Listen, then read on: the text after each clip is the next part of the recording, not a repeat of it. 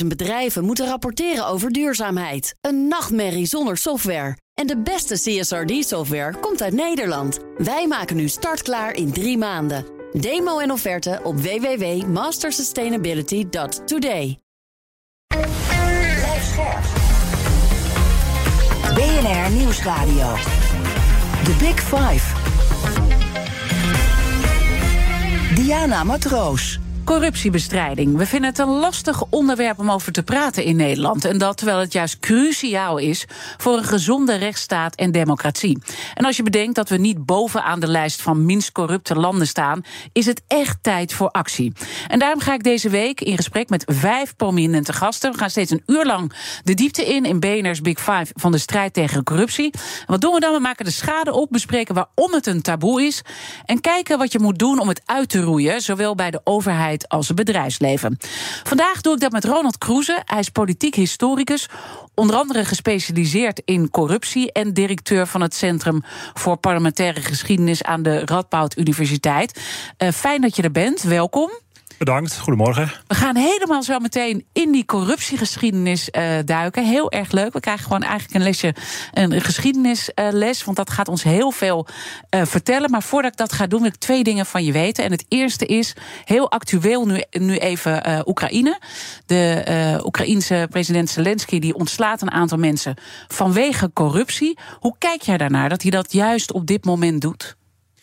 Uh, ja, heel interessant. Ik denk dat een aantal dingen die, die vallen op in de berichtgeving. Uh, eerst, in eerste instantie uh, was het zelfs nog een beetje onduidelijk wat zijn nou precies de beweegredenen geweest. was, is er echt corruptie? Heeft echt omkoping plaatsgevonden? Zijn mensen, hebben mensen hun zakken gevuld? Er werd ook al vrij snel verbonden met, uh, ja, dit is een politieke afrekening ten deels. Er worden een aantal tegenstanders weggewerkt. Dus dat is een tweede fenomeen wat werd genoemd. Ja, en ten derde dat het ook een vereiste zou zijn van de internationale gemeenschap. Nu we uh, Oekraïne steunen in de strijd tegen Rusland, dat dan Oekraïne ook uh, westerse normen van goed bestuur moet gaan invoeren. En toch zie je tegelijkertijd ook in de afgelopen periode. Het zegt ook iets over ons, vind ik altijd. Hoe we daarnaar kijken en hoe we daarover uh, praten. Maar benieuwd wat jij ervan vindt. Uh, wij, wij zetten de Oekraïners als helden neer uh, in deze hele oorlog. En dat is natuurlijk ook goed te begrijpen met wat, als je ziet wat ze allemaal doormaken. Maar we vergeten bijna, lijkt het wel, we hebben het er niet meer over. Dat het het meest corrupte land is in onze nabijheid. Die steeds meer dichter bij ons komt ook. Ja, een van de meest eh, corrupte landen als je kijkt naar uh, verschillende lijstjes van Transparency International, de Wereldbank, et cetera. Um, ik denk wat het interessant maakt voor ons is dat er natuurlijk nu in, uh, in Oekraïne zelf een, een omwenteling gaande is. Dat kunnen we wel stellen, waarbij toch nadrukkelijk aansluiting wordt gezocht bij, bij Europa en bij het Westen. Uh, en dat dat nu in, in dat kader, uh, kijken we ook naar, uh, naar hoe Oekraïne het doet. En ook op het, het kader van democratie, goed bestuur, mm -hmm. corruptiebestrijding. Mm -hmm. Uh, dus ik denk dat we op een soort, in een soort tussenfase zitten. Waarbij het nu spannend is welke kant gaat het straks ook op. Na de oorlog, als die hopelijk ooit een keer tot een einde komt, uh, zet Oekraïne dan door in een, in een pad, ja. in een meer richting een liberale democratie. Of komen de oude problemen weer, uh, weer terug? Weer terug. En eigenlijk neemt hij dan slimme acties op dit moment. Het tweede wat ik van je wil weten is een persoonlijke vraag ook. Waar, jou, waar jouw fascinatie zit als het gaat over corruptie.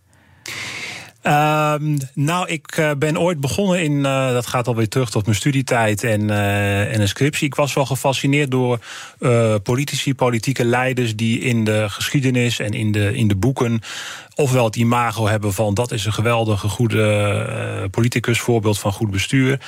En je hebt een categorie politici uh, die vaak worden neergezet als nou dat waren ritselaars, regelaars en dat waren ja. niet zo van de idealen en, en meer van de praktijk. Nou dat gaat al, al terug ook tot de 19e eeuw. En, en Thorbecke tegen zijn grote tegenstander was, was Adriaan, Floris Adriaan van Hal. Nou die had ook Thorbecke de goede. En Van Hal was dan de grote tegenspeler. En dat was eigenlijk een, een aanleiding voor mij om ermee verder te gaan. En ik heb vervolgens een promotieonderzoek gedaan naar de geschiedenis van corruptie en publieke ja. waarden in Nederland. En dan kom je zoveel verhalen tegen, dat gaan we ook allemaal met je doornemen. Maar is er één verhaal waarvan je zegt, dat is echt mijn favoriet als we in die corruptiegeschiedenis duiken? Oh, dat vind ik een moeilijke. Eén uh, favoriet. Uh, nou, uh, Nee, ja, nee, er is niet één. één. Nou, wat, wat ik wel interessant vind, we begonnen er ook omdat we over Oekraïne hadden. Uh, dat er een enorm intens debat uh, is geweest over uh, oorlogscorruptie en oorlogsprofiteurs in Nederland tijdens de Eerste Wereldoorlog. Nederland was toen neutraal en de handel werd gecontroleerd. Want he, de, de oorlogvoerende landen wilden natuurlijk niet dat er allerlei dingen werden doorgesluist die, mm -hmm. naar de tegenstander. en toen was er in Nederland een enorm heftig debat over van boeren die zouden verdienen aan de voedsel, wat naar Duitsland werd geëxporteerd. Uh, steenkoolhandelaren, uh, die ook vink zouden verdienen, want steenkool is nodig voor de industrie. Um, en dat vond ik wel, wel fascinerend, omdat het traditionele beeld in Nederland toch wel is: het zijn incidenten en uh, het is nooit zo heftig geweest, af en toe een schandaal. Maar in die tijd, in die periode, zag je echt jarenlang een discussie. En het parlement heeft ook een groot onderzoek naar ingesteld. Nou, dat, dat vind ik wel nog steeds een. een, een mooi, mooi voorbeeld om ja. ook weer vast te houden. En ja. dat, dat gaan we eigenlijk het komende uur steeds doen. Dus wat dingetjes uit het verleden. En dan ook weer relateren aan hoe we nu met uh, zaken omgaan. Waar we het allemaal ja. hebben over een nieuwe bestuurscultuur. Uh, um, het altijd hebben over integriteitskwesties. En niet zozeer het woord corruptie in de mond nemen. En dat ook lastig vinden. Maar daarvoor moeten we eerst helemaal terug naar het uh, begin. hoe lang hebben we het al over corruptie? Wanneer begon dat? Nou, de discussie over corruptie gaat heel ver terug. Het, uh, we zagen het in, in de, de, Romeinse tijd en de Griekse tijd. Uh, het is van alle tijden en alle systemen. Um, dus het gaat, gaat ver terug. En maar je kunt dat ook wel, wel snappen, omdat corruptie gaat over, in wezen over de afwijking van een ideaal. Van iets wat we goed vinden, van iets wat we, wat we willen nastreven in de politiek, in de samenleving. Uh, dus hooggestemde idealen van goed bestuur. Ja, maar dan zijn er altijd die afwijkingen. Uh, mensen die worden omgekocht. Uh, mensen die, die verkopen hun stem. Hè, ook in, in de ja. Romeinse tijd waren we natuurlijk al verkiezingen. Dus dat was die verkiezingscorruptie al wel een thema.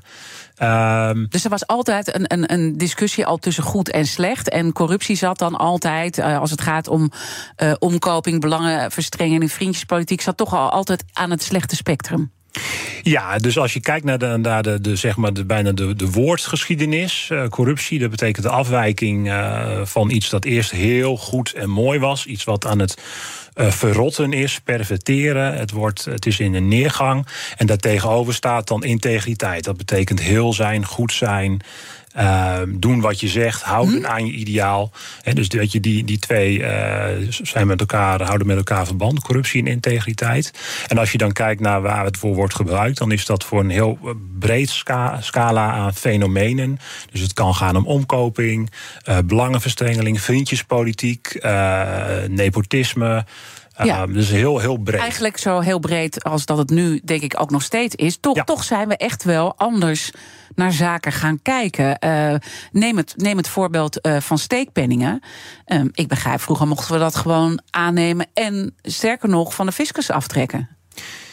Ja, nou in ieder geval, zo, zo duidelijk was het wel in Duitsland. Uh, daar is zelfs nog in de jaren negentig en begin nog een gerechtelijke uitspraak geweest van. Ja, dat steekpenningen in het buitenland om zaken te doen, dat is een kostenpost. Uh, in Nederland heb ik niet zo duidelijk dat voorbeeld terug kunnen vinden. Maar het zal me niet verbazen, want het gaat over een, een West-Europese aanpak. In het algemeen kunnen we wel stellen dat er een aantal grote breukmomenten zijn in die geschiedenis van corruptie en corruptiebestrijding. Um, uh, en als je dus kijkt, we begonnen met wat, we gingen wat verder terug in het, in het verleden net. De oudheid, hè? De oudheid, ja. ja. ja. Dat was dus eigenlijk, je zou kunnen zeggen, voor, voor 1800, voor wat we als historici de moderne tijd noemen, een hele brede benadering van corruptie. Het ging over allerlei dingen. Het kon ook over morele corruptie gaan. Dus. dus uh, uh, seksuele uh, overtredingen of, of afkeurenswaardig gedrag, uh, et cetera. En er werd ook, was ook het idee, het hoort altijd bij. Het is cyclisch, het komt op en dan, dan neemt het weer af, maar dan mm -hmm. komt het weer terug. Um, en het werd dus heel moreel ingestoken. Na 1800, we zouden kunnen zeggen, heel met een grote sprong als, als de liberale democratie langzaamaan begint vorm te krijgen in West-Europa, in het Westen. Uh, in Nederland ook in de 19e eeuw. Denk aan Thorbecke's grondwet van 1848. In die tijd dan komt er ook, als je kijkt naar de geschiedenis van corruptie, steeds meer een idee op. We moeten dit actief gaan bestrijden. Ehm, en we moeten dat uh, met een radicale verandering van onze politiek gaan doen. dus we moeten een liberale democratie krijgen, een rechtsstaat, uh, verkiezingen. En dan kan het ook gaan verdwijnen op den duur kan het dan ook op. Ja, dus dan, dan kantelt het beeld. En eh, is dat ook het moment dat wordt gezegd, eigenlijk met die steekpenningen aannemen, even los van het fiscusverhaal, dat kan uh, niet meer? Want vroeger mocht je dat gewoon aannemen, toch, die steekpenningen? Nou, je, werd niet, werd niet als iets slechts gezien, heb ik het idee. Ja, maar we moeten bij corruptie het onderscheid ook maken. eh, Dat is denk ik ook nog even goed. We hebben bepaalde praktijken die een geschiedenis hebben. Uh, giften, giftcultuur. Mm -hmm. uh, geld geven om, om een bepaalde opdracht binnen te halen. En we hebben de geschiedenis van wanneer dat dan als een probleem wordt gezien. En die twee gaan niet altijd gelijk op. Oké. Okay. Um, wat we dus, als je het hebt over steekpenningen, en zeker ook in, in de, de politiek-ambtelijke sfeer, dan krijgen we in na 1800, uh, tijd van de Franse Revolutie en in Nederland ook de grote omwentelingen, inderdaad expliciete wetgeving die met name verbiedt dat publieke ambtsdragers steekpenningen aannemen. En uh, zich, uh, ja, laat, dat wordt dan gezien als, als misbruik van, van het algemeen belang. Ja, die wetten die veranderen. The Big Five. Diana Matroos. Mijn gast is politiek historicus Ronald Kroeze, directeur van het Centrum voor Parlementaire Geschiedenis, verbonden aan de Radboud Universiteit. Uh, jouw expertise zit niet alleen bij corruptie, maar ook bij het koloniaal bestuur. Wat is de relatie tussen die twee? Want dat is ook wel een interessant fenomeen in onze geschiedenis natuurlijk. Ja, er zitten in, als je dus kijkt naar de, de omgang met, uh, met corruptie en het denken daarover en debatten die we hebben gevoerd. Ik spreek vaak over debatten, dus wat in de media en in, in het parlement werd gezien als, als corruptie en als problematisch. Uh, dan zit ook een koloniale dimensie aan en die is heel interessant. Kijk, je moet voorstellen dat zeker aan het einde van de 19e eeuw uh, Nederland het, de aanwezigheid in bijvoorbeeld Indonesië legitimeerde met uh, wij brengen daar goed bestuur, de ethische politiek. Um, en dat was dus de reden ook dat, dat Nederland als een modern land daar, daar wat kon toevoegen. Um, Tegelijkertijd, dat was het ideaal, zien we daar allerlei discussies al aan het einde van de 19e eeuw over afwijkingen daarvan. Van hé, hey, maar is dat eigenlijk wel zo? Wordt de, wordt de lokale bevolking niet, uh, niet uitgebuit? Uh, is het niet zo dat, uh, dat we eigenlijk allerlei systemen daar stimuleren en in stand houden, zoals een, een, de aristocratie, een feodaal systeem, die, die de eigen inwoners uh, mag gebruiken voor herendiensten. Wat zijn we er eigenlijk aan het doen? Nou, dus die koloniale kritiek, die, uh, die speelt ook een rol in, uh, in discussies over corruptie. Mm -hmm. Maar wat, wat ook interessant is, ook voor het heden, is als we door die, die lens kijken van het kolonialisme, dan zien we ook vaak dat de, de ander wordt als corruptie, als corrupt gezien. Ja. Uh, dus de uh, Indonesië-kolonie in het algemeen waren lager ontwikkeld, zo was het idee in de 19e eeuw. En lage standaard van ontwikkeling, traditioneel bestuur, feodaal, aristocraten die het voor het zeggen hadden. Dat werd geassocieerd met corruptie. Uh, en modern besturen, waarbij dus ambtenaren expliciet de, de, publieke zaak moeten dienen, geen steekpenningen mogen aannemen, aannemen was een voorbeeld van, van goed bestuur. Ja. En in die, in die context vinden veel discussies plaats. Maar als je dat dan. Eigenlijk uh, wordt het bijna uh, corruptie dan gebruikt om te vergoeilijken wat we daar allemaal hebben gedaan. Nou, het, het, want, want jij hebt het ja. steeds over de relatie goed en slecht. Hè? Dat is ook ja. wat jou uh, fascineert. En corruptie begeeft zich daar binnen. En daar kijken we dus allemaal op een andere manier naar. En dat verschuift ook in de tijd. Maar eigenlijk zeggen we, joh, die landen zijn corrupt. En intussen gaan wij de meest vreselijke dingen naar uithalen. Want we zijn eigenlijk goed bezig, want uh, wij zijn minder corrupt. Ja, ik denk dat er twee interessante aspecten aan zitten. Dus enerzijds een duidelijk onderscheid in, in de geschiedenis van corruptie... tussen een, een groep landen of culturen die worden gezien als minder corrupt... En uh, een groep wat wordt gezien als de ander. En die, die, die zijn het voorbeeld van, van corruptie. Um, en ik denk wat interessant is ook. Uh, dat er dus heel erg sterk niet werd ingegaan op, op de, de, de systemen die werden ingericht. De, de vermenging van publiek en privaat. Van staat en, en bedrijfsleven. Ook in een koloniale context.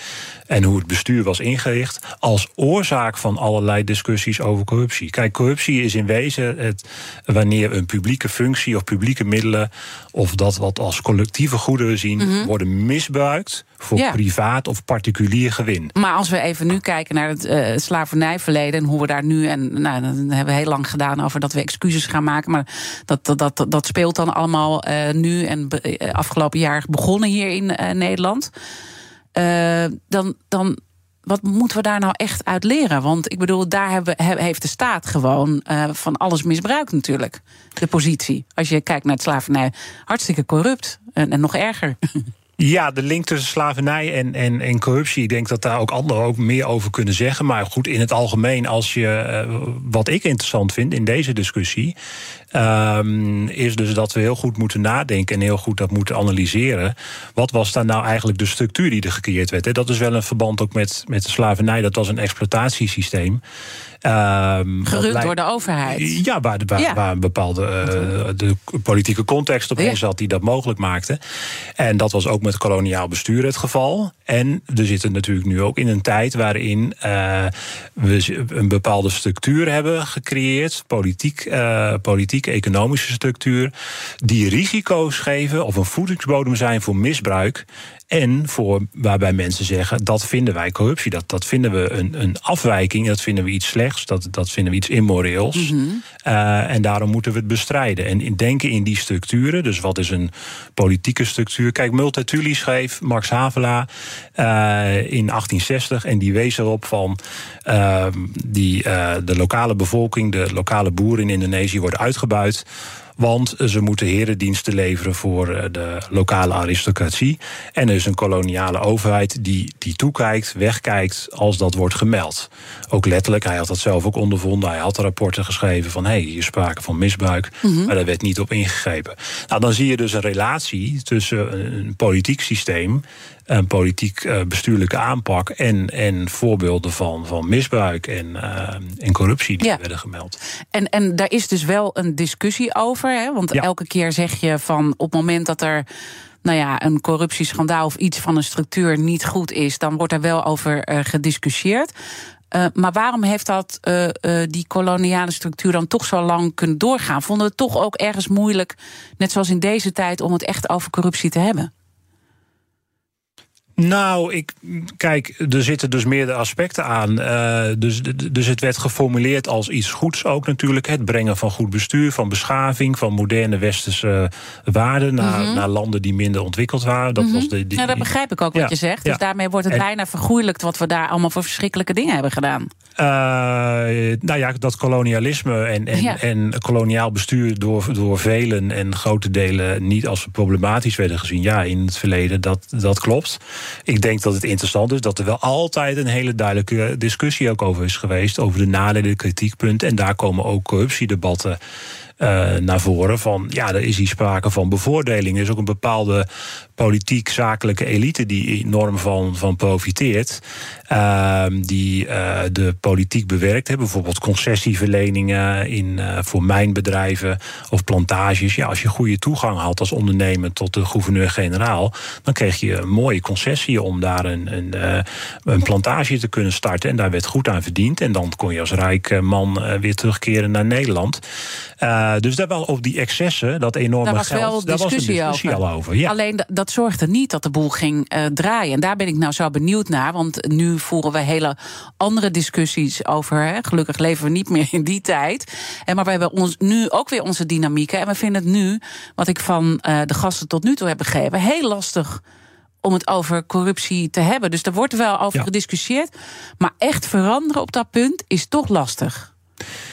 Nou, ik, ik, niet? nou, ik denk dat, dat de, de geschiedenis leert dat we telkens veranderen. En dat ook veel. eh, Maar daar hebben we lange halen voor nodig. ja, soms het- je zult kunt zeggen, het gaat allemaal heel langzaam en niet te snel. En als je het helemaal op een heel lange periode bekijkt, dan, dan is het allemaal van, van eh, langzaam en geleidelijk. Ehm, tegelijkertijd te veranderen zaken. Maar ik denk dus dat het heel goed om in het achterhoofd te houden, die, die wisselwerking tussen iets wat we als, als ideaal en goed vinden. Dus op een gegeven moment komen de democratische ideeën op over over. Er moet een gelijke toegang zijn voor, voor alle burgers tot, tot uh, diensten die de overheid levert. Tot, om het recht om te kunnen stemmen, uh, verkiezingen. Uh, de rechterlijke macht mag, moet iedereen ondersteunen. Nou, dat zijn veranderingen. Dat zijn ook in de, als je dat echt vergelijkt met de vroegmoderne tijd, waarin bijvoorbeeld bepaalde groepen, de aristocratie of, of regenten, in, in, denk aan Amsterdam, waar we nu zitten, regentenklasse was, die mocht, mocht profiteren ook van zakelijke belangen.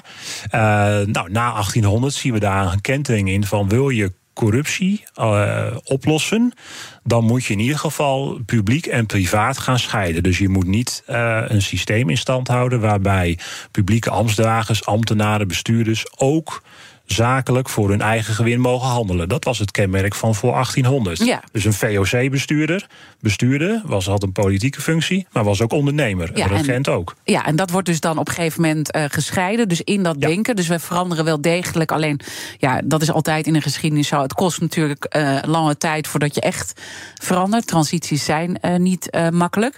Um, het feit dat we dat zo hebben gebruikt als een argument, wij komen goed bestuur uh, daar brengen. En hoe we ook keken naar uh, corruptie in andere uh, landen. Wat heeft dat met ons gedaan als het gaat over hoe wij met corruptie zelf zijn omgegaan? Hebben we het ook ergens verwaarloosd?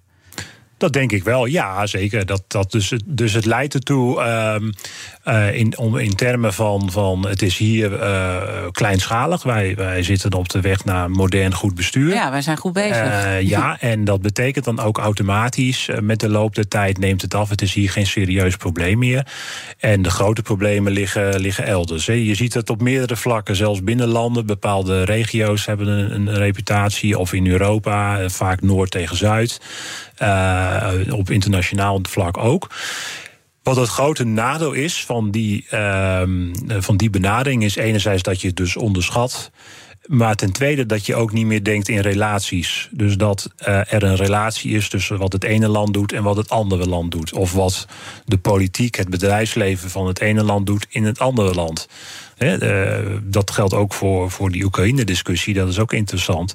Kijk, als, aan, als daar corruptie wordt bestreden, maar tegelijkertijd wordt er in andere landen weer een mogelijkheid gecreëerd voor he, oligarchen om hun geld uh, netjes weg te kunnen zetten. Fiscaal allemaal keurig en correct. Ja. Ja, dan ben je natuurlijk water naar de zee aan het dragen. En dus dat denken in structuren, dat in, in relaties, dat is heel belangrijk. En ook of veel lijstjes die er rondgaan, dat zijn landenlijstjes. Waarbij dan Denemarken, uh, Nederland hoog staan. En er wordt ook wel vaak gesproken over wat is nu die weg naar Denemarken. Nou ja, we staan zeker niet uh, uh, bovenaan de lijst. Hè? Ik geloof dat we op plek nummer 8 staan of zo, zoiets. Ja, maar dat is op, op, op, op een, op een lijst van, van, van ongeveer 200. Het gaat allemaal, de top 10 is, is allemaal, wordt, wordt nee, gezien. Nee, maar we staan wel achter die Scandinavische landen, hè, uiteindelijk. Ja, maar ik denk niet eens dat dat zo. Of nou, die, die plek, daar wordt soms heel veel van. Oh, we zijn een, een ja. plekje gezakt of gestegen. Ik denk veel meer dat het, dat het dus een weergave is. Waarbij je zou kunnen zeggen. Uh, corruptie is een nationaal fenomeen. En in dit, dit land is het opgelost. Denemarken is het helemaal geweldig. Laten we analyseren hoe het daar is ingericht. En het land wat een failed state, uh, Somalië, et cetera, die staan helemaal onderaan. Daar is het een, een groot probleem. of, of in Rusland. Maar allerlei relaties die er zijn tussen die landen, uh, globale economie waar we in zitten, ja. fiscale en, en financiële. Doen we er gewoon aan mee? Ja, er zit, er zit, we ja. creëren een voedingsbodem voor die discussies daarover. Ja. ja.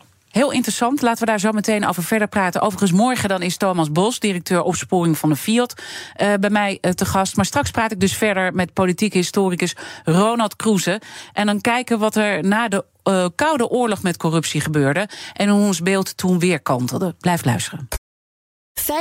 50.000 bedrijven moeten rapporteren over duurzaamheid. Een nachtmerrie zonder software. En de beste CSRD-software komt uit Nederland. Wij maken nu startklaar in drie maanden. Demo en offerte op www.mastersustainability.today.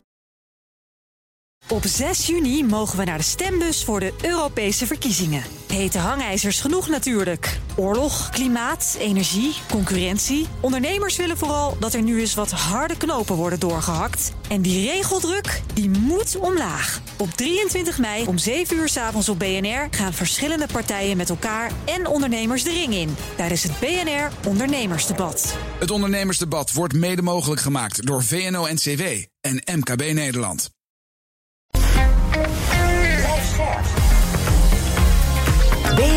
Nieuwsradio. The Big Five. Diana Matroos. Welkom bij tweede halfuur. Deze week praat ik met vijf kopstukken uit de corruptiewereld. Eerder deze week sprak ik met Nanette van Schelven, directeur-generaal bij de douane. En zij gaf heel mooi aan hoe moeilijk het is om erover te praten, over corruptie. En dat we dat allemaal wel moeten doen, want corruptie is overal, ook in het bedrijfsleven. Dit gesprek is terug te luisteren via onze BNR-app. Mijn gast vandaag is Ronald Kroese. Hij is politiek historicus en directeur van het Centrum voor Parlementaire Geschiedenis aan de Radboud Universiteit. Uh, gespecialiseerd ook uh, in corruptie. En dat hebben we net ook kunnen horen, want je hebt heel duidelijk die geschiedenis omschreven. hoe ons denken erover uh, is veranderd. Komend half uur wil ik in ieder geval nog twee onderwerpen met je bespreken. Namelijk de beste manier om corruptie te bestrijden. En toch nog even wat verder die geschiedenis induiken. Om echt te snappen hoe ons beeld elke keer kantelt. En we waren eigenlijk ook bij het punt gebleven uh, dat je zei: het is heel belangrijk dat we dat publiek en privaat in structuren, hoe we, hoe we denken en hoe we dingen organiseren, uit elkaar te trekken. Ligt dat nog even toe waarom dat zo ontzettend belangrijk is? Ja, ik sprak net over die, die, die, waterscheiding, zeg maar rond 1800, als de, de moderne eh, tijd gaat beginnen, moderne politiek. Dus een absolute norm is dan geworden dat publiek en privaat gescheiden zijn. Dat was ook de, de diagnose, ook bijvoorbeeld van Thorbecke. Wat was nou het probleem met het ancien regime in Frankrijk? Wat leidde nou tot die Franse revolutie? Dat was dat publieke rechten, publieke middelen in handen van particulieren. Dus, dus die aristocratie die had allerlei mooie functies, maar ook eh, het recht om belasting te innen en, en eh, flink te profiteren van, eh, van die functies. Je moet je, dat moet je dus gaan scheiden. Dat was de analyse van veel denkers en politici. Publiek en privaat moet je van elkaar scheiden. Dus een publieke ambtsdrager, een ambtenaar, een bestuurder dient het algemeen belang. Maar mag daar niet zelf gaan verdienen. En in het bedrijfsleven, dat gaat dus in de private sfeer. Ondernemers die mogen zeker geld verdienen, maar die moeten niet gaan proberen dan de publieke eh, sector in hun voordeel te gaan beïnvloeden. Eigenlijk een heel heldere analyse van wat er moet gebeuren. En als je dat dan beziet en eh, naar een volgend omslagpunt eh, in de geschiedenis kijkt, wat gebeurde er toen? Ja, dus dan uh, een heel belangrijk punt is dan het einde van de tijd van de Koude Oorlog, het einde daarvan. Um, ik moet erbij aantekenen, dat is dus wederom dat ideaal, hè, die normen van publiek en privaat. Want als je al er iets over nadenkt, dan zie je al hoe moeilijk dat is. Want ja, natuurlijk heeft een, uh, een, uh, een politicus ook familie, kennissen, participeert in netwerken. En net als ondernemers willen ze natuurlijk wel dat de wetgeving uh, is die, die wel gunstig is. Um, dus dat, uh, dat is een uh, ideaal wat, wat niet altijd eenvoudig uh, te realiseren maar is. We vinden het wel. We vinden het we wel. het is een absolute Goed en norm. slecht. Ja. we hebben erover gediscussieerd. Ja. We hebben schandalen gezien uit elkaar. Ja. ja. Nou, dan krijg je dus het einde van de Koude Oorlog, 1989, 91. En wordt duidelijk gezegd van dat die norm moet, moeten veel duidelijker gaan uitdragen. Want uh, het Westen heeft gewonnen, de liberale democratie, die gestoeld is op een onderscheid tussen publiek en privaat. Je hebt een economie en je hebt een overheid en een politiek systeem. En het probleem van het communisme is dat het dat niet had. Daar heb je geen, daar is alles van de staat. Uh, je hebt in, in, theorie is er geen uh, groot privébezit voor burgers. Iedereen is gelijk. Maar goed, de realiteit was natuurlijk dat de partijbonzen van de communistische partijen zichzelf flink bevoordeelden. En dat er allerlei voorbeelden van, van wat wij zouden noemen corruptie waren.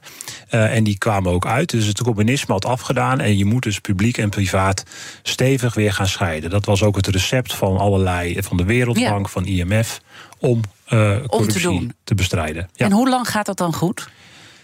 Nou, dat, gaat, dat, dat wordt stevig uitgedragen. Uh, uh, alleen uh, wordt daar wel, dus komt er wel weer die, dat idee op van wij we zijn in het Westen op de, de goede weg. En bij ons ja. is, zijn die grote stappen al gezet. We vergeten weer eventjes wat voor huiswerk we zelf nog te doen ja, hebben. En, we, wijzen naar die ander weer. Ja, en we zijn met, wij bestrijden nog de laatste resten, restanten en incidenten en symptomen. En de grote problemen liggen elders in de voormalige communistische wereld. In Afrika, Latijns-Amerika. Uh, maar goed, we hadden wel al bijvoorbeeld in Nederland ook een interessant uh, schandaal gehad in, in de jaren zeventig, die invloed heeft op deze tijd. Bijvoorbeeld het Lockheed-schandaal. Ehm, waarbij Prins Bernhard, hè, als je het vanuit een Nederlands perspectief bekijkt, Prins Bernhard was, had, had om geld gevraagd. Ehm, eh, van Lockheed, een vliegtuigbouwer. Uh, en uit Amerika. uit Amerika. En in ruil daarvoor zou hij uh, de Nederlandse overheid ja, beïnvloeden om, om die vliegtuigen vooral toch aan te schaffen. Ja, het was een heel sappig, juicy ja, in verhaal. Precies, waar we het heel veel ook over hebben gehad eigenlijk. Ja, dus in de Nederlandse geschiedenis en zelfs in de brede publieke opinie misschien... als mensen er nog aan denken, dan is het vooral die Nederlandse context. Het was een koningshuisschandaal en uh, het was een uh, incidenteel. Als je dat breder kijkt, internationaal, dan is Lockheed... want dat ging over, er waren veel meer buitenlandse uh, publieke ambtsdragers omgekost. Want Bernard was inspecteur-generaal van het leger. Hij was niet alleen prins, maar ook uh, de, uh, dus een, formele rol, adviseur van het leger. Ehm, dat gebeurde ook in heel veel andere landen, in Duitsland, Italië, waar allemaal mensen omgekocht. alleen het was niet officieel een, aangemerkt als dat het strafbaar was. Nou, dan krijgen we in Amerika de discussie: dit is wel uh, problematisch. Eén, het ondermijnt eigenlijk bondgenoten van ons, hè, de politiek en bondgenoten. Nederland is ook een bondgenoot van mhm. Amerika. Er ontstaat een discussie over eh, wat er allemaal gebeurt. Twee, het ondermijnt de vrije markt. Want uh, als bedrijven gaan omkopen, dan is de kans groot dat het bedrijf met het meeste geld wint, een opdracht krijgt. Uh, en niet degene met het beste product of het meest innovatieve product. Dus op dit moment wordt het echt een geopolitieke discussie uh, op het wereldtoneel. Waar het eerst misschien wat meer individueel per land werd bekeken en wij zijn beter dan, dan jullie, wordt nu eigenlijk die internationale context veel duidelijker. Ja, en wat, wat dus de Amerikanen doen, is de, de Foreign Corrupt Practices Act, de FCPA, wordt in 1977 afgekondigd. En die stelt het omkopen van buitenlandse ambtenaren strafbaar. Dus Amerikaanse bedrijven kunnen vervolgd worden voor het omkopen van buitenlandse ambtenaren. Dus in het buitenland. Het argument kan dan ook niet meer zijn: dat is nou eenmaal de lokale cultuur. Uh, Want zo hebben we het ook heel lang natuurlijk ook beargumenteerd. Van ja, dat is normaal daar. Dat Anders kan je geen deal sluiten. Hè? Precies, en dat hoort bij internationaal zaken doen. Mm dat kan dan dus formeel niet meer. Dan moet kijken we even naar de historische praktijk. Dan zien we dat het in de jaren 70, 80 vrij weinig wordt ingezet, die wet uh, in Amerika. Na de val van de muur, en dan kom ik weer terug bij die Koude Oorlog. Dan is het in één keer het idee, ja, die, die liberale economie, die markt, die moet goed beschermd worden. En die moet zoveel mogelijk mogelijkheden krijgen om goed te kunnen functioneren. En wordt die FCPA, die Amerikaanse wet, wordt breder omarmd. Ook in Europa, die aanvankelijk daar nog wel sceptisch over was. Omdat ja, het handelen bijvoorbeeld in Afrika van Franse en Duitse bedrijven en ook Nederlandse bedrijven. Daar kwam nog wel eens wat, wat smeergeld aan te pas. Dat hoorde erbij. Dus men was bang voor het verlies van markten. Maar als we dat nou met z'n allen afspreken in, ja. in, in verschillende gremia, dan moet iedereen zich aanhouden en dan krijgen we een gelijk speelveld. Dat was de gedachte. Uh, en, en, dan kom je dus ook steeds meer op het Nederlandse toneel en hoe wij daarmee omgaan. Maar wanneer, wanneer zijn we echt serieus iets met die wetgeving uh, gaan doen, die dus in Amerika al veel eerder werd ingezet? Ja, de jaren negentig is nog meer een soort aftasten. Er wordt flink uh, druk uitgeoefend uh, door uh, in Amerika om dit aan te pakken, want anders is het niet eerlijk voor Amerikaanse bedrijven. er komen nieuwe NGO's op, Transparency International uit de jaren negentig. Die gaat het echt op de kaart zetten van corruptie is uh, het grootste probleem wat we hebben. En de oorsprong daarin was ook de oprichter Pieter Eigen. Dat was een, uh, een Duitser die bij de Wereldbank had gewerkt. Die nam die ervaring mee vanuit Afrika, waar hij had gewerkt. Waar allerlei uh, bedrijven telkens lokale publieksambtsdagers omkochten. En dat uh, nam hij mee, die ervaring. Hij zei, we moeten echt die, die omkoping uh, gaan bestrijden. En dit is een heel mooi bruggetje ook naar een eerdere gast uh, deze week. Ik sprak met Loes van der Laan. Zij is directeur van Transparency International Nederland. Hè, want het is een wereldwijde organisatie. nou, zij proberen corruptie aan te pakken. En zij zei, Nederland heeft de United Nations Convention Against Corruption ondertekend. Waarin staat handelen in invloed is een voorbeeld van corruptie. Maar vervolgens hebben wij als Nederland een uitzondering daarop bedongen, zodat handelen in invloed gewoon hier nog mag. En, en, en, en zij heeft echt zoiets, hoe heeft dat kunnen gebeuren? Kan, Kan jij je dit herinneren in de historische context? Nou, deze specifiek, dit specifieke voorbeeld uh, niet. Maar uh, het verbaast me niet, omdat je wel ziet dat er wel meer op nationaal niveau wel meer uh, uitzonderingen worden gemaakt. Ja. Dus dat, is ook, dat zou misschien ook Louise van der Laan hebben benadrukt. Maar ook de lobbywetgeving in Nederland is, is heel anders. Uh, we hebben natuurlijk nu recent in het parlement uh, discussies gehad over moeten de, de, zogenaamde lobbypas. En die moet veel meer begrensd worden. Dus dat politici ja. niet onbeperkt toegang houden. Uh, nog heel lang na hun carrière tot. En we mogen sms'jes, hè, die mogen niet weggegooid worden. Dat ja. gaat allemaal. En we hebben het over ja. een nieuwe. Maar dat is dus interessant. We zeggen altijd dat we het doen. En zo'n United Nations Act hoort daar ook bij. We gaan eraan meedoen. En intussen zorgen we ervoor dat we een uitzondering op een regel kunnen krijgen. En kunnen we eigenlijk gewoon doorgaan zoals we het altijd deden? Ja, er zijn allerlei uitzonderingen. Daar, dat, dat klopt. We moeten daarbij, denk ik, de, de realiteit, de politiek-economische realiteit meenemen om het te begrijpen. Hè? Niet om het goed te keuren of, mm -hmm. of zoiets, maar om te begrijpen dat er natuurlijk tussen Amerika en Europese bedrijven, als we even weer bij die FCPA aanhaken, echt het gevaar was van ja, maar uh, de Amerikanen vervolgen wel Europese bedrijven. We hebben ook een paar flinke boetes aan, aan Siemens en Volkswagen uitgedeeld. Uh, maar in Europa zijn wij wel wat huiviger om, om hebben we minder macht om Amerikaanse bedrijven te, te vervolgen.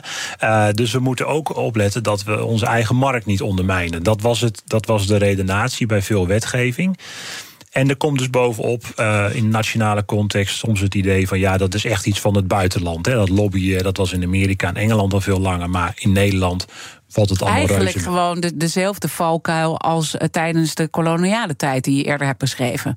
Van we zeggen eigenlijk, wij doen het eigenlijk goed en wij komen, we gaan even met ons vingertje wijzen naar, naar de rest, terwijl we zelf het eigenlijk nog helemaal niet op orde hebben. Ja, als je dus allerlei risico's gaat negeren en zegt van die komen hier niet voor zonder dat je daar goed onderzoek naar doet, ja, dan bestaat het gevaar dat je dus een blinde vlek creëert. 50.000 bedrijven moeten rapporteren over duurzaamheid. Een nachtmerrie zonder software. En de beste CSRD-software komt uit Nederland. Wij maken nu startklaar in drie maanden. Demo en offerte op www.mastersustainability.today. Op 6 juni mogen we naar de stembus voor de Europese verkiezingen. Hete hangijzers genoeg natuurlijk. Oorlog, klimaat, energie, concurrentie. Ondernemers willen vooral dat er nu eens wat harde knopen worden doorgehakt. En die regeldruk, die moet omlaag. Op 23 mei om 7 uur s avonds op BNR gaan verschillende partijen met elkaar en ondernemers de ring in. Tijdens het BNR Ondernemersdebat. Het Ondernemersdebat wordt mede mogelijk gemaakt door VNO-NCW en MKB Nederland. BNR Nieuwsradio. The Big Five. Diana Matroos. Je luistert naar BNR's Big Five van de strijd tegen corruptie. Eerder deze week sprak ik met Louise van der Laan, directeur van de anticorruptieorganisatie Transparency International Nederland. Ze werd net ook al eventjes aangehaald. En zij wees ons pijnlijk op de blinde vlekken in ons land, maar ook de Europese politiek. Luister het gesprek terug via bnr.nl en de bekende podcastkanalen. Mijn gast vandaag is politiek historicus Ronald Kroeze onder andere gespecialiseerd in uh, corruptie. En kwam met jou ook bij die blinde vlek uh, uit. Uh, en laten we vanuit die blinde vlek in onze geschiedenis ook naar de toekomst kijken. En daar past de kettingvraag heel goed bij. Victor van der Sijs, voorzitter van Delta Links, de ondernemersvereniging voor bedrijven in het havengebied, had daar in die context een vraag over aan jou. Luister maar. Wat we zien is dat we de facto een soort oorlog zijn. Een oorlog met de drugsmafia. Uh, waarbij in Nederland denk ik dat we het redelijk goed hebben georganiseerd. Overheid en bedrijfsleven werken goed met elkaar samen. Maar we krijgen het toch niet voor elkaar om die strijd te winnen. Je zult hem nooit echt winnen, maar ik wil graag van hem weten. Hoe zij je dat nou aanpakken en wat heb jij in het verleden gezien... waardoor zo'n strijd, waarbij je het uiteindelijk ook hebt over de integriteit van de samenleving... wel gewonnen kan worden, in ieder geval zo succesvol mogelijk kan zijn. Dus hoe pak je dat nou aan? Hoe moet je met elkaar samenwerken? Ja, hoe pak je het aan? Ja, interessante vraag. Um...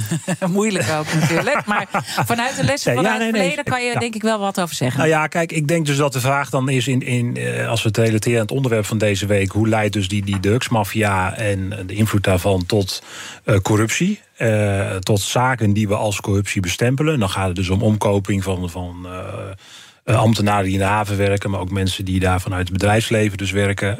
ik denk ook witwassen, belangenverstrengeling, al die dingen. Douane, hè? Douane. Mensen die worden omgekocht. Ja, ja dus dat, dat is een wezenlijk probleem en er zit een, een corrumperend element aan. Ehm, ik denk dus wat, wat je vanuit de geschiedenis leert, is dat je dus vooral ook een beetje moet gaan uitzoomen tuurlijk moet je het lokaal gaan aanpakken, maar je moet ook gaan uitzoomen en niet te dicht op het fenomeen uh, zelf uh, zitten. Uh, dus wederom weer kijken naar, naar politieke en economische structuren waarin mm -hmm. we zitten. Nou. We opereren in een mondiale wereldeconomie. Uh, dat, dat wil Nederland ook graag aan deel blijven nemen. Uh, Rotterdam moet een toegangspoort zijn. Logistiek uh, moet het allemaal heel soepel en snel gaan. dus dat zijn structuren die we hebben gecreëerd, waardoor het Nederland aantrekkelijk is. Het werd ook gisteren genoemd in het interview. Mm -hmm. Uh, dus je moet dan ook uh, die, die corruptiebestrijding, dat uh, zoeken in, in die risico's die er daar liggen. Nou, er gaat heel veel geld in om. dus je zou kunnen denken aan de financiële kant. Hè. Hoe, hoe, kunnen we zorgen dat, dat die geldstromen dus gecontroleerd worden? Dat het minder makkelijk is om dat geld weg te zetten. de hele structuur die er omheen zit om, om crimineel geld wit te wassen, financiële sector, fiscaal.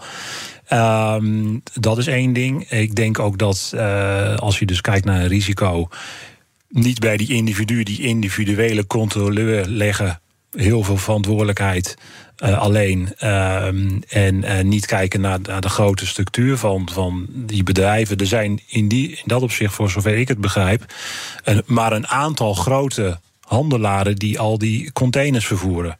He, Maersk uit Denemarken is een hele grote. Ik zou zeggen, dat doet men vast. Maar meer verantwoordelijkheid daar ook leggen. Daar zit veel geld, er zitten veel middelen, er zit veel kennis. Mm -hmm. uh, om ook van die kant uh, controle Maar wat zou dan zo'n Musk bijvoorbeeld moeten doen? Want je kan zeggen, oké, okay, bij jullie komen uh, veel geldstromen vandaan. Jullie zijn een groot bedrijf, hebben een grote verantwoordelijkheid. Intussen hebben dat soort bedrijven natuurlijk ook last van. Het kost ze ook heel veel geld. Wat zouden zij moeten doen dan? Nou ja, ik denk dat dat, dat ook een vraag is die, uh, die je aan hun zelf moet stellen. Um, maar, uh, ja, maar je zegt het, het, niet voor niks natuurlijk. Nou ja, het wordt gecreëerd. Het wordt, er is duidelijk dus een probleem waar, het, waar de politiek, waar we als samenleving last van hebben. Het mm -hmm. ondermijnt uh, onze, onze democratie, onze, onze overheid. En het is een nadeel voor het bedrijfsleven, begrijp ik. Um, dat lijkt mij ook logisch. Dus ik zou zeggen, sla die, die handen ineen. En, en um, doe, ook als bedrijven legden we nadruk op van... dan handelen we niet meer met een ander bedrijf... wat eerder een aantal keren heeft bewezen dat via de lijn van dat bedrijf er drugs is gevonden in containers. Ja, de, de... Omdat zij hun controles niet goed op orde hebben, gaan we dus niet meer met zo'n bedrijf uh, samenwerken. Gaan we afscheid. Uh, oh ja, uh, Of, of, wie, of daar iets op verzinnen. Hè. Dus we zijn, ja. als je een symptoombestrijding gaat doen aan, aan waar het binnenkomt in Nederland en al die containers. Ja. En ik hoorde het voorbeeld gisteren nog even van 30.000 containers per dag. Uh, ja, dat is natuurlijk gigantisch uh, lastig. Dan ben je eigenlijk, uh, ja, je doet wel goede dingen, maar je bent eigenlijk op een niet op de belangrijkste plek ben je het eigenlijk aan het aanpakken. Je bent eigenlijk waar het al is misgegaan, ben je het proberen aan het oplossen. Dit zegt ook, uh, wat jij zegt, dat we dan ook veel breder ook over corruptie moeten praten. En van al mijn andere ja. gasten, uh, nou ja, hoor ik ook, ik vind het moeilijk om het uh, erover te hebben. We horen natuurlijk ook vaak dat we het hebben over integriteitskwesties. He, ook in de politiek, maar ook in het bedrijfsleven. Terwijl het gewoon gaat om keiharde corruptie. Waarom is dat en hoe doorbreken we dat? Nou, dus als een, als een uh, complex en serieus fenomeen uh, te zien. Hè, daar bedoel ik mee. Ik begonnen van het wordt, het wordt gebruikt voor, voor meerdere problemen: belangenverstrengeling, omkoping. Uh, dat is heel, heel belangrijk. En ook die structuren mee te nemen. Dus bij die haven, wat ik net zei, dan gaat het dus om een internationale, mondiale structuur. Mm -hmm. politiek en bedrijfsleven samen moeten werken. ook een aantal moeilijke beslissingen. Hè, kun je dus on, ongebreidelde, open grenzen houden. Als je dus tegelijkertijd dit als een steeds groter probleem gaat zien. Uh, dan wordt er veel aan gedaan, zullen anderen zeggen. Maar dat is natuurlijk de, de, de hete hangijzer. Mm -hmm. ga je dan beperkingen in, inzetten? Ga je met bepaalde partijen, bepaalde bedrijven, bepaalde landen de handel uh, verminderen? Ja, en dan kom je toch altijd uh, bij, de, bij de leuke spanningsveld in Nederland: de koopman versus de dominee. Ja, dat is een, ja, dat is een, Ja. dat is een interessante. Toch? Ja, zeker. Ja. Ja, want daar, daar kom je dan uit. Eh, en dat betekent dus ook kritisch naar, naar jezelf kijken. Kijk, als eh, er een, een, een aantal normen worden geformuleerd, eh, publiek, privaat. eh, ja, de, de, de sferen moeten gescheiden worden. Hè, dus. Eh, dat is één, eh, één heel belangrijke, maar tegelijkertijd, en dat is ook met gekoppeld aan het einde van de Koude Oorlog, enorme ehm, vertrouwen op, eh, op marktwerking en op de markt. Ja. Ehm, Wat ook in het overheidsdenken uiteindelijk Ja, dus, heel duidelijk terugkomt. ja, dus het moet efficiënt, het moet sneller. Ja. De ambtenaren moeten ondernemender worden. niet, te, niet te strak met procedures gaan moeilijk gaan doen. Ehm, en het bedrijfsleven wordt, krijgt ook veel vertrouwen. Nou, dan heb je dus ook, dan moet je ook daar risico's weer zoeken. Want een, een eh, het fenomeen van een ondernemende ambtenaar of een, of een ondernemende Wat we nu steeds meer willen. Hè? We willen niet dat die, dat die ambtenaar heel erg in de lijntjes eh, blijft, maar even boven de tekst eh, uit kan komen. Maar dan zie Ja. jij weer een gevaar. Ja, dat is dus een risico. En ehm, dat is lokaal een risico, waarbij je met, eh, met grote vastgoedprojecten zit in de lokale en gemeentepolitiek, met vergunningen voor, voor bedrijven, voor lokaal. Dat is op nationaal niveau. Leidt dat tot, eh, tot spanningen en internationaal.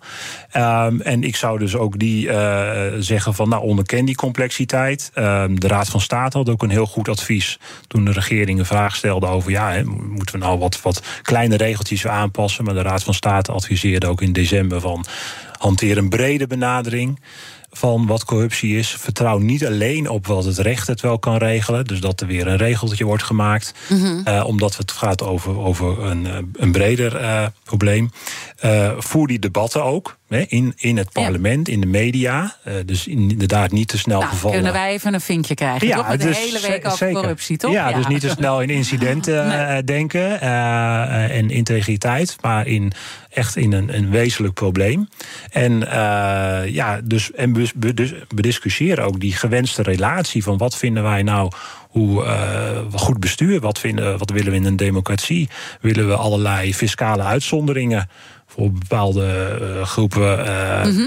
willen we dat we een topzware eh, ja, financiële sector hebben die dienstverlening heeft voor oligarchen. Ja, ja, ja, dat zijn discussies die je dan die moet, je moet voeren. Misschien is dit een mooie brug tot slot om de kettingvraag weer door te pasen. Want morgen heb ik natuurlijk weer een mooie gast. En dat is dan Thomas Bos. Hij is directeur opsporing van de Fiat. Wat zou je aan hem willen vragen? Ja, dus eh, ja, mijn vraag die zou zijn. Dus we, we denken bij eh, corruptie vaak aan, aan politiek en politici die gevoelig zouden zijn. eh, voor omkoping. Echter, eh, ja, veel corruptie komt ook van, van de kant van de macht van dubieus geld en geldstromen en internationaal. Als we dat ook zien, ehm, zou dan dus ook de Fiat niet een veel belangrijkere rol moeten krijgen en moeten opeisen bij de bestrijding van corruptie voor het behoud van onze opvattingen van goed bestuur en democratie en, en een vrije markt. Mooie vraag, die ga ik hem zeker stellen. Wat, wat, wat zou, waar zou de uitbreiding wat jou betreft moeten liggen? Nou, ik eh, bedoel, de Fiat, we hebben het best wel, ik denk deze week, de, de verschillende sprekers die jullie ook hebben gehad. Het is best wel verkaveld. Hè? De, iemand doet wat met douane, iemand met, met de havens. eh, en dan doet de Fiat uh, fiscaal. Uh, maar je zou verwachten dat, dat dat als een veel groter coherent probleem wordt gezien. En een van die partijen uh, of, of zou daar het een voortrekkersrol in kunnen nemen.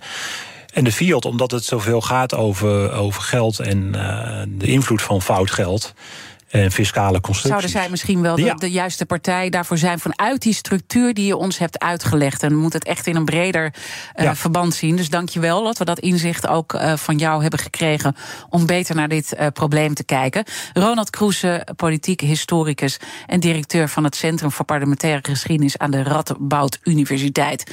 En natuurlijk is alles van BNR's Big Five terug te luisteren. Abonneer je op onze podcast via onze app of je favoriete podcastkanaal. Dan weet je zeker dat je mist. Maar blijf live. Zometeen Iwan Verrips met BNR breekt. Ik wens je een mooie dag. 50.000 bedrijven moeten rapporteren over duurzaamheid. Een nachtmerrie zonder software. En de beste CSRD-software komt uit Nederland. Wij maken nu startklaar in drie maanden. Demo en offerte op www.mastersustainability.today.